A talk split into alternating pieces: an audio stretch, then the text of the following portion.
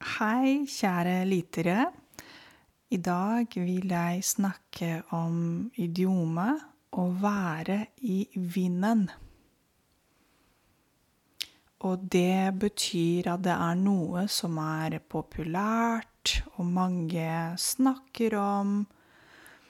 Kanskje det står i avisene, man ser på TV. Ja, hva kan det være som er i vinden? Det er mange ting som kan være i vinen. Men først vil jeg fortelle dere at um, det har blåst veldig mye i Oslo de siste dagene, og jeg har tenkt på været. Jeg har tenkt på vinden.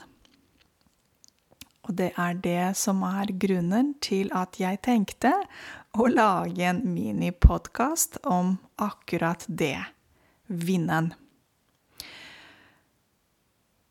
Du kan si for eksempel siden 12. mars 2020 så har covid vært i vinden. Det betyr at mange snakker om covid siden 12. mars 2020.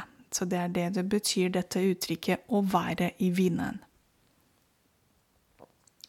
For eksempel da jeg var lita, så var sko med høye hæler som var i vinden. Det betyr de var veldig populære på den tiden. Du kan også si Hvis du snakker om klær, eksempel, og sko, så kan du si De siste årene har stramme bukser vært i vinden. Å være i vinden, det betyr populært. Så det er mange ting du kan eh, si, du, det er mange ting du kan snakke om, og putte, og putte inn dette uttrykket 'å være i vinden'. Så du kan snakke om politikk, økonomi, klær, været og mange, mange situasjoner som er i vinden.